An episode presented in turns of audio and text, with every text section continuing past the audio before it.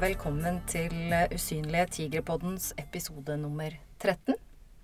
Dette er podkasten som vil gi folk kunnskap og innsikt eh, om rus og pårørende og tilhørende tematikk, for å si det sånn.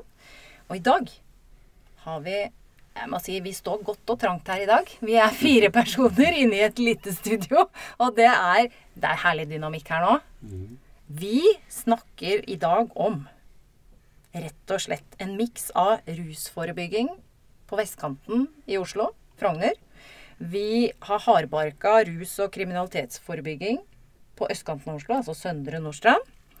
Og så har vi med den unike legen og spesialisten i indremedisin, fordøyelsessykdommer og psykiatri, som hjelper folk å bli sjef i eget liv. Han reiser landet rundt og holder foredrag hvor han bringer både latter i salen og noen åpenbaringer, kanskje, om at det er lov å stille spørsmål ved egne tanker og holdninger. Ingvar Wilhelmsen, du eh, har nettopp vært med i en podkast til hvor vi har snakket litt om pårørendes handlingsrom. Du har skrevet boka 'Sjef i eget liv'. Og den har inspirert disse gutta her. Det er jo kjekt å høre. Ja. Ja, Greg, du er altså kriminalitetsforebygger, stemmer. rusforebygger. Stemmer. Fortell litt om deg og din jobb. Jeg jobber som seksjonsleder i Oslo kommune. Jeg leder kriminalitetsforebyggende team i bydel Søndre Nordstrand. Og jobber da med kriminalitetsforebygging og forebygging av rusproblematikk hos unge mennesker 12 til 25 år. Og så har jeg også skrevet en bok om arbeid med guttegrupper. Samarbeid med Kompetansesenter for rus Oslo, som ble lansert nå rett før jul. Og det jeg kan si, er at din bok, 'Sjef i eget liv', har vært en enorm inspirasjon for meg eh, og flere andre som jeg har samarbeidet med siden 2010. Eh, Jeg har vært på feltet i over 14 år, men jeg og Alexander vi har brukt denne boken veldig mye. Så flott. Dette her, Det er derfor det er så, det er så spennende, dette her, vet du. Alexander Schmidt, Mm. hva er grunnen til at du er så engasjert i rusforebygging og dette feltet? Ja, generelt så jeg tror jeg er engasjert i at unge mennesker de når eh, målene sine og får et godt liv. Og av og til så ser vi at rusbruk er et eh, hinder for det. Og derfor er det viktig å komme tidlig inn. Så um, vi er veldig glad i det tematikken om å styrke ungdom. Både på sosiale ferdigheter, men også det å ta gode valg og få gode holdninger. Både for um, seg selv og vennene sine. Så Greg og jeg vi har samarbeida i mange år og holdt en del foredrag for ungdom. Og hatt opplegg der vi tar ungdom med både på øvelser og eh, tar dem gjennom noen fortellinger. Der vi påpeker at de har muligheten til å ta gode valg. Ja. Her har vi, jeg tenker at sjef i eget liv-tematikken, den er jo svært relevant. Både for pårørende, men selvfølgelig også for ungdommene. Absolutt. Jeg tror den er nesten enda mer relevant for ungdommene, om vi kan si det slik. Og vi har brukt eksempler fra boken, vi har lest høyt fra boken, og vi har brukt det som utgangspunkt for diskusjoner. Så vi har faktisk vært i kontakt med mange tusen ungdommer, og den har påvirket alle sammen. Vi har fått utrolig gode tilbakemeldinger på tematikken, takket være deg. Det visste du ikke! Nei, det visste jeg ikke. Det er gøy å høre det. Dere to var nylig på en konferanse sammen. Og eh, det dreide seg om cannabis. En, som er et uh, rusmiddel som uh, viser seg at flere og flere ungdommer rundt i hele Norge bruker. Uh, tematikken der var hvordan snakke med ungdom om cannabis eller om rus. Hva, hva tenker dere er viktig i den sammenheng? Alexander? Ja, jeg mm, tenker at det er eh, viktig å se ungdommen i sin helhet. Eh, Flere ungdommer eh, kommer til oss i ungdomstjenesten i bydel Frogner og trenger hjelp til å fullføre skolen eller komme seg inn i jobb. Og så ser vi etter hvert at flere det er flere ting som de har eh, utfordringer med, bl.a. noen som sliter med rus. Og det med cannabis så ser vi at eh, det kan være en ganske stor hinder for å delta i det livet vi tenker er et godt liv. At man kommer seg opp om morgenen, og at man kommer seg på jobb og husker ting. og Får rett og slett orden på livet sitt. Oi. Viktig jobb dere gjør, da. Hvordan, kan jeg spørre, Greg, hvordan kommer dere i kontakt med ungdommene? For vår del så er det veldig mange uh, mulige veier inn til oss. Men ofte så oppsøker vi ungdommen selv. En oppsøkende virksomhet er en stor del av arbeidet vårt. I veldig mange andre tilfeller er det jo kanskje skolen som henvender seg til oss. Kanskje er det barnevernstjenesten, politiet og ikke minst pårørende. Så alle veier leder til rom, og uh, vi får henvendelser fra uh, alle kanter. Ja. Om jeg skal bringe deg på banen, Ingvar Vi snakker om kognitiv terapi og ta valg og sånn. En hjerne til en som er eh, 16. Er det mulig å få den hjernen til å tenke konsekvenser? Absolutt. Lenge før 16. Tror du det? Ja, det tror jeg er helt mulig. Ja. Hjelpe de til å tenke seg om hva de bruker livet til, og hva som styrer de, hva som driver de. Nå skal jeg bare tippe, for jeg jobber ikke så mye med ungdom som er på vei inn i rus eller forebyggende kriminalitet. Men bare ta et eksempel, da. Uh, sosial angst. Jeg kan tenke meg at en drivkraft inn i miljøene er å ikke være ensom, føle seg som en del av gjengen. Og da gjør du det som gjengen gjør. Men når det gjelder sosial angst, så er det jo helt ok å være litt opptatt av hva folk syns om deg. Det er jo det som gjør at vi oppfører oss skikkelig, stort sett. Men problemet er jo, som jeg pleier å påpeke, når vi skal ha kontroll i livet, hold deg til ting som er kontrollerbare. Så når jeg spør noen er det viktig for deg hva vennene dine syns om deg, ja, det er veldig viktig. Ok. Pleier du å gå rundt og spørre dem da? Nei, det gjør jeg ikke. Ja, men jeg syns du sa det var viktig for deg. Jo, men det er viktig. Ja, men hvis du ikke spør dem, hvordan finner du ut hva de syns om deg da? Jeg tipper, sier de. Og hvis du har litt sosial angst, så tipper du negativt. Og så skal du tilpasse deg. Problemet med at det skal være så viktig hva folk syns om deg, det er et hovedproblem. Det får du aldri vite. Om du dybdeintervjuet i, så kan de lure deg begge veier. Så det eneste du kan egentlig finne ut, hva du skal mene med deg sjøl. Så det ville vært mitt fokus. Hvordan de ser på seg sjøl. Står de trygt nok på egne bein? Er du villig til å bli likt av noen, ikke alle? Og så videre. For det er jo ingen som blir likt av alle. Det er de jo forsket på. Altså 80 kan regne med hvis du er sånn noenlunde normal. 20 ja. liker Ja, de liker deg ikke. Men de har forsket på det. Og jeg hørte jo på radioen. Det var noen de likte ikke bergensere. Nei, nei. Nei, de hadde prøvd, fikk det bare ikke til. Synd for deg. Ja, det var noe med lag og den måten de var på, at de ikke hadde hatt minnestemme og alt det der. Nei. Sånn at, sånn at ungdommen, hvis de lærer seg å finne ut hvem de er, skal jeg stole på meg sjøl. Og det er jo greit å bli likt, men jeg forstår at ikke alle liker meg. Det får vi tåle. Kanskje verst for de. Da kan jeg tenke meg at da bør ikke du bli en del av en gjeng som gjør ting som du kanskje i utgangspunktet var litt skeptisk til. Men hva tenker du om det?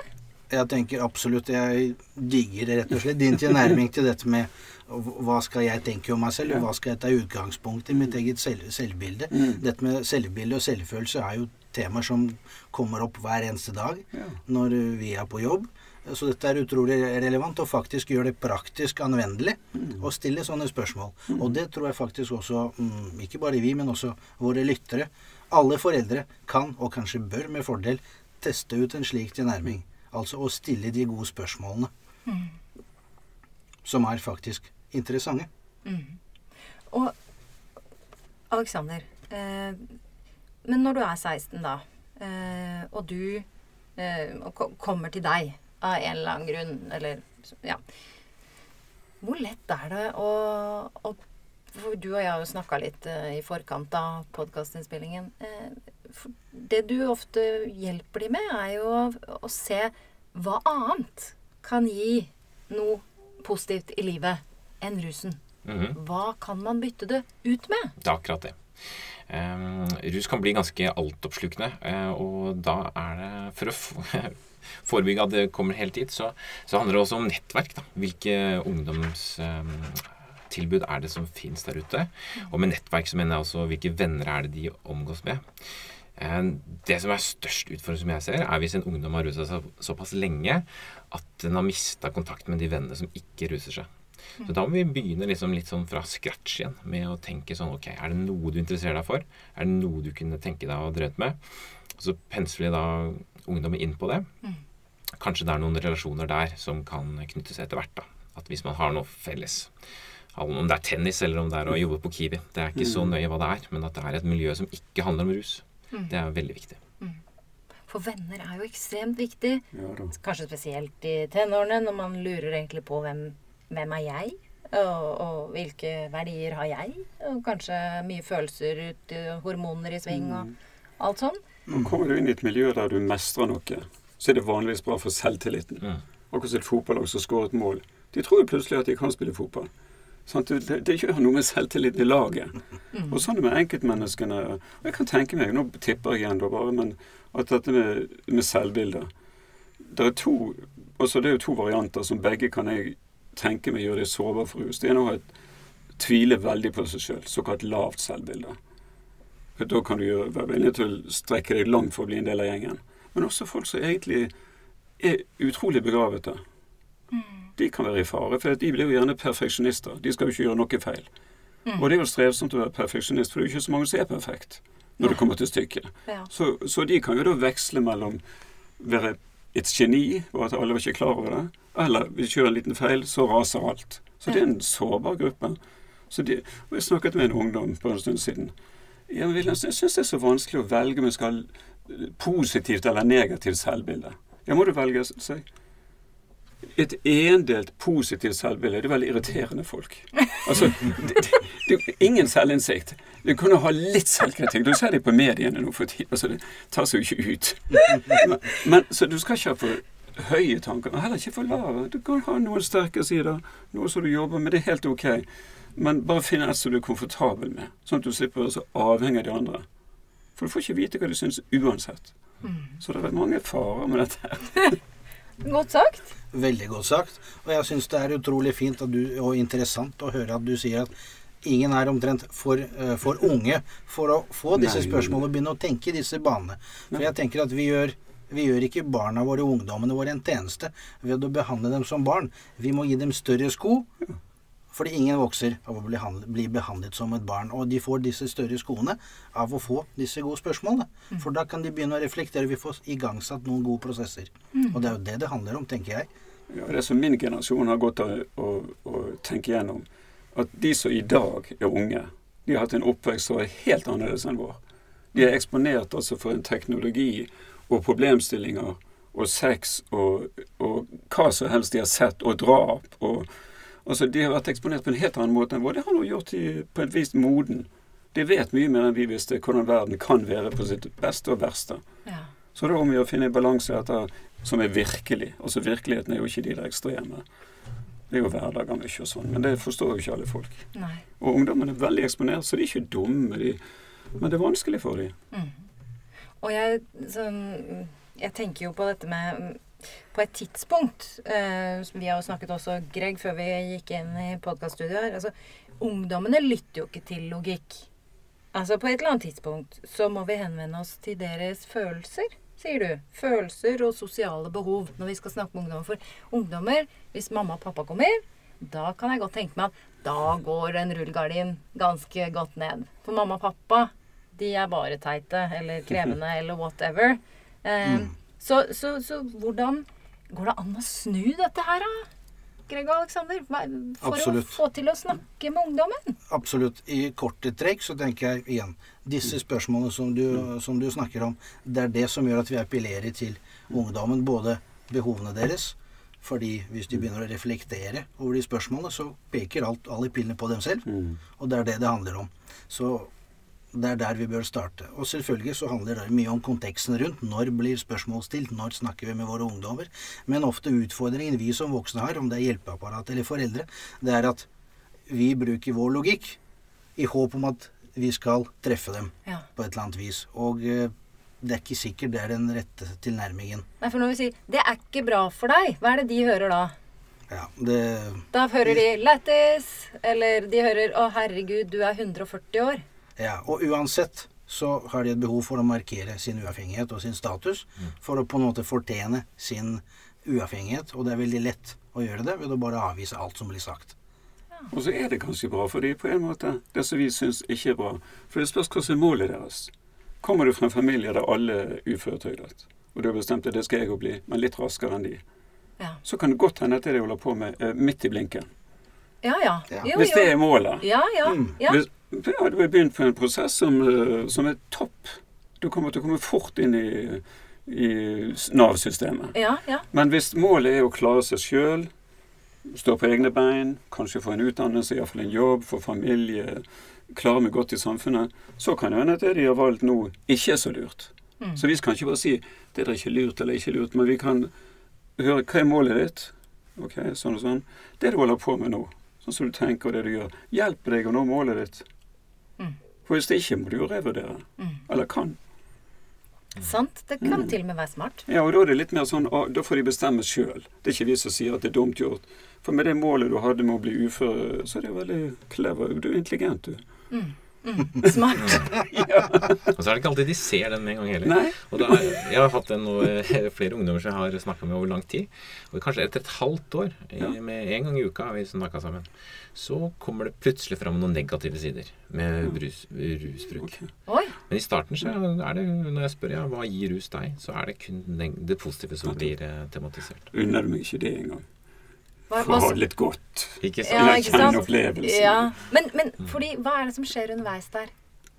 Er det Nei, etter hvert så, så kom vi inn på temaer om Ja, du nevnte dette med hvordan snakke med ungdom om cannabis. Ja. Så er jo De ser gjerne ikke disse konsekvensene av langtidsbruk med en gang. Fordi Mm. de kanskje de nettopp startet, og det bare er, oppleves ok. Ja. Um, men em, cannabis kan, eller hasj hvis du røyker det, da, kan eh, ha forskjellig ruseffekt fra gang til gang. Så plutselig så kommer de og har hatt en bad trip, og så Mm. snakker vi litt om det. Eh, En annen gang så kanskje de em, egentlig er bare veldig fornøyd, men så merker de at de ja, Hadde vi egentlig en avtale i dag? Jeg glemte det bort. Altså Så kan man prøve å bore litt inn i de tingene, da. Mm. Mm. Og noen får jo Vi snakka i forrige episode om søvnproblemer. Mm. Eh, som pårørende gjerne får. Fordi at de er bekymret og i angst og alvorlige tanker og hele tiden. Eh, men eh, det å røyke cannabis eh, Jeg har forstått det at da er det jo plutselig sånn at man må røyke en eh, nattings for å få sove. Veldig individuelt, men det er klart at for noen så, så er det vanskelig å sove en periode idet man har slutta med cannabis. Så det hasjavvenningsprogrammet vi holder på med, da prøver vi å forberede litt til at det kan være en form for ja, hva kaller det? Abstinens av noe slag i den eh, avvenningsfasen. Er det bare å ligge der og vente, da? Til man får showet, eller? Det er ikke godt å si, men eh, kanskje lese en bok. Kanskje lese en bok? Ja, man kan jo tolke det positivt etter at uh, hvis du får litt abstinenser, så er det et typisk tegn på at nå er det på vei ut av kroppen din. Ja. Så hvis du kommer, kan du vite at nå er det iallfall på vei ut. ja. For at jeg husker jeg drev med magesår i gamle dager. Så hadde vi en tid, en ukeskur. Ja. Med, som, det var en eh, mikstur som var veldig tung. Folk fikk diaré, de ble kvalm, skulle en, bak- bli kvitt en bakterie i magen. Oh. Så Dette var i Bergen, så vi måtte motivere bergenserne for å ta kuren og ikke stoppe halvveis. ja. Og da pleide jeg å si, og det var det faktisk litt belegg for, at i Oslo tåler de ikke den kuren. Oh. Nei, de gir seg halvveis! Og da kom de kom de tilbake. Hvordan gikk det? Nei, det var tøft, men jeg, jeg sto løpet. Ja. La vel litt Ja, ja. i det, så ja, og til og med var ikke så ille som du sa. Nei, der ser du. Hvis du legger forventningene verre, Ja, så blir det mer motivasjon til å stå i det. det det. Å gud, ja, det var smart. Det er derfor jeg reiser til Bergen hver sommer, faktisk. For å hente styrke der. til å holde ut et år her. Du, jeg har lyst til å høre med dere gutta som jobber med ungdommene. Eh, påvirkning utenfra, destruktive miljøer. Det er ingen direkte sammenheng mellom, kall det en vanlig oppdragelse, og rusproblemer. Eh, det trenger ikke å være det. Jeg tror ikke det. Fordi altså oppdragelse, eller hjem, det å kalle det en vanlig familie, i anførselstegn, det kan være fra A til Å. En vanlig familie er jo det man er vant til hjemme. Og det er jo kanskje først når man kommer ut av det og, og ser eh, hvordan man hadde det, at man kan se at å, det var kanskje ikke så uheldig, eller hva det var bra, eller at man får et bedre forhold til Ja. hele greia. Men eh, en av de vi har hatt med i podkast her før, har sagt det fins ingen som vokser opp uten traumer. Alle barn Noen mista foreldrene i butikken når de handla da de var liten. Det var kjempetraume. Det var kjempestort sår inni altså Veldig redd for å miste de man er glad i, osv.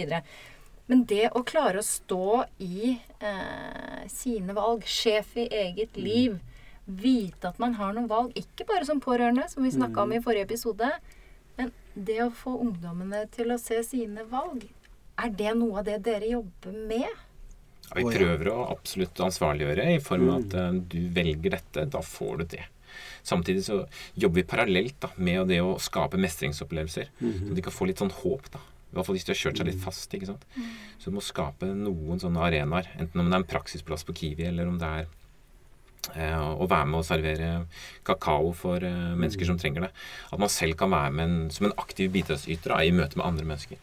Det tror jeg kan skape noen sånne positive opplevelser som de også kan, i hvert fall, om ikke annet, snakke mer om da når vi møtes igjen til uka. Ja.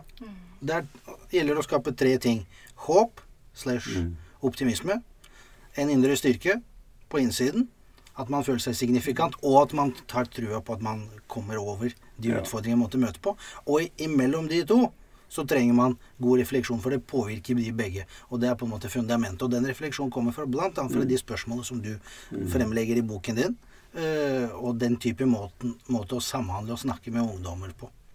Og så har vi jo sett at det er mulig å endre seg. Vi ser jo folk som endrer seg. Ja. Og det er jo lurt å si til folk. Og vi må, må hindre, hjelpe dem å ikke gå inn i offerrollen eller bli værende der. At de er et offer. Mm. Og hvis vi f.eks. sier at ja, med de foreldrene det er rart du nesten ikke er verre, det er jo ikke så veldig positivt. Da har du nådd et maksimalt utviklingspotensial. Det er ikke mer å hente. ja. Men jeg, og så sier folk ja, men Wilhelmsen, jeg, jeg har holdt på med dette så lenge. Da kan jeg vel ikke endre meg fort? Kan du ikke? Er det sånn at hvis man har et problem lenge, så er det et godt argument for å ha det litt til? Eller skal vi si at det er nok? Nok er nok.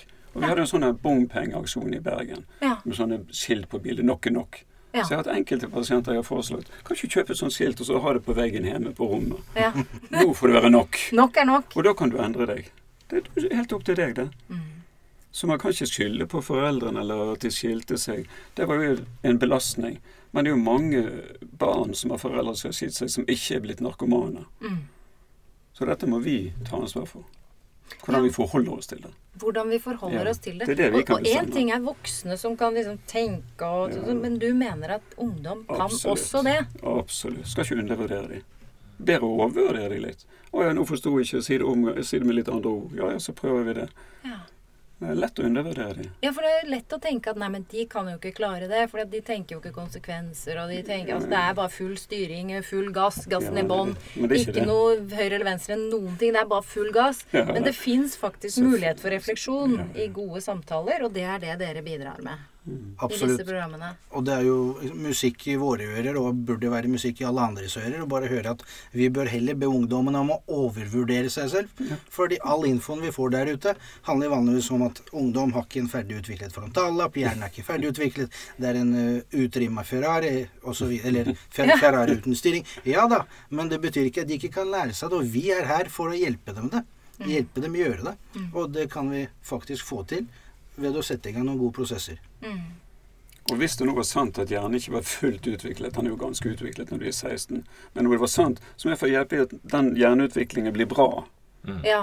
ikke blir Ja. en negativ hjerneutvikling. Ja. Det måtte være det verste av alt. Komme ut i 20 med forferdelig dårlig hjerne. Ja, det er ikke så smart. Men det er jo litt det du har sagt også, at det er em, Tidlig rusbruk påvirker hukommelse, innlæring ja, Jeg har lest og hørt deg litt på, på YouTube, for å si det sånn. Ja, vi mener å ha god belegg for å si at uh, mye cannabis, altså sånn daglig bruk av cannabis når du er um, ung, sånn type 12 til 18, hvis du driver med det, det er ikke særlig bra for, eh, for deg. Verken for innlæring eller hukommelse eller ren, rene kognitive ferdigheter. Men akkurat hvordan det påvirker den enkelte stjerne, det Nei, vet vi ikke nok om. Men at det er eh, en sårbar periode, det tror jeg man kan si. Og mye er jo reversibelt. Og det er omtrent som en som røyker. Røykt i 20 år, 30 år. Mm. Skal han si at ja, jeg har nå en risiko for, for lungekreft, så jeg får bare røyke videre. Det er lurt å slutte selv for deg. Ja, Ja. Du reduserer risikoen. Ja. Ja. Og så, så nå skal vi runde av. Eh, igjen, eh, når man har sånne mennesker med den erfaringa dere har her, så skulle jeg gjerne holdt på til i morgen. Men eh, det kan vi jo ikke. Men eh, før vi avslutter, eh, Greg. Er det noe du brenner for å få sagt eh, avslutningsvis fra ditt ståsted her i dag? Ja, sånn veldig kort så brenner jeg veldig for varme relasjoner mellom generasjoner. Og da handler det om kommunikasjon. Eh, og da er det en del ting som jeg syns er utrolig viktig å få ut når det gjelder kommunikasjon med spesielt tenåringer, og generelt med unge mennesker. Og det er at vi bør fokusere på deres behov. Hva er det de egentlig prøver å oppnå? Sånn som Ingvar sa i stad. Hva er målet ditt med det?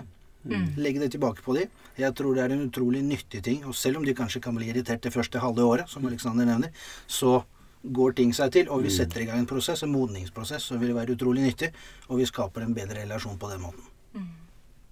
Bra. Alexander? Jeg tenker litt på dette med nettverk. For eh, hvis man har muligheten da, til å ta inn en ungdom som kanskje man ikke er like lik med tanke på vaner og rusbruk Nå sier jeg ikke at man skal innføre en, eh, en ungdom med mye rusbruk inn i en vennegjeng som ikke har det, men at hvis man klarer da som, eh, som eh, samfunn og miljø å, å åpne opp disse klikkene våre litt, så er vi kanskje litt bedre rusta til at de ungdommene som ønsker å bytte fra et rusmiljø til et annet miljø, at de får en reell sjanse til det. Det tror jeg er veldig viktig. Ja.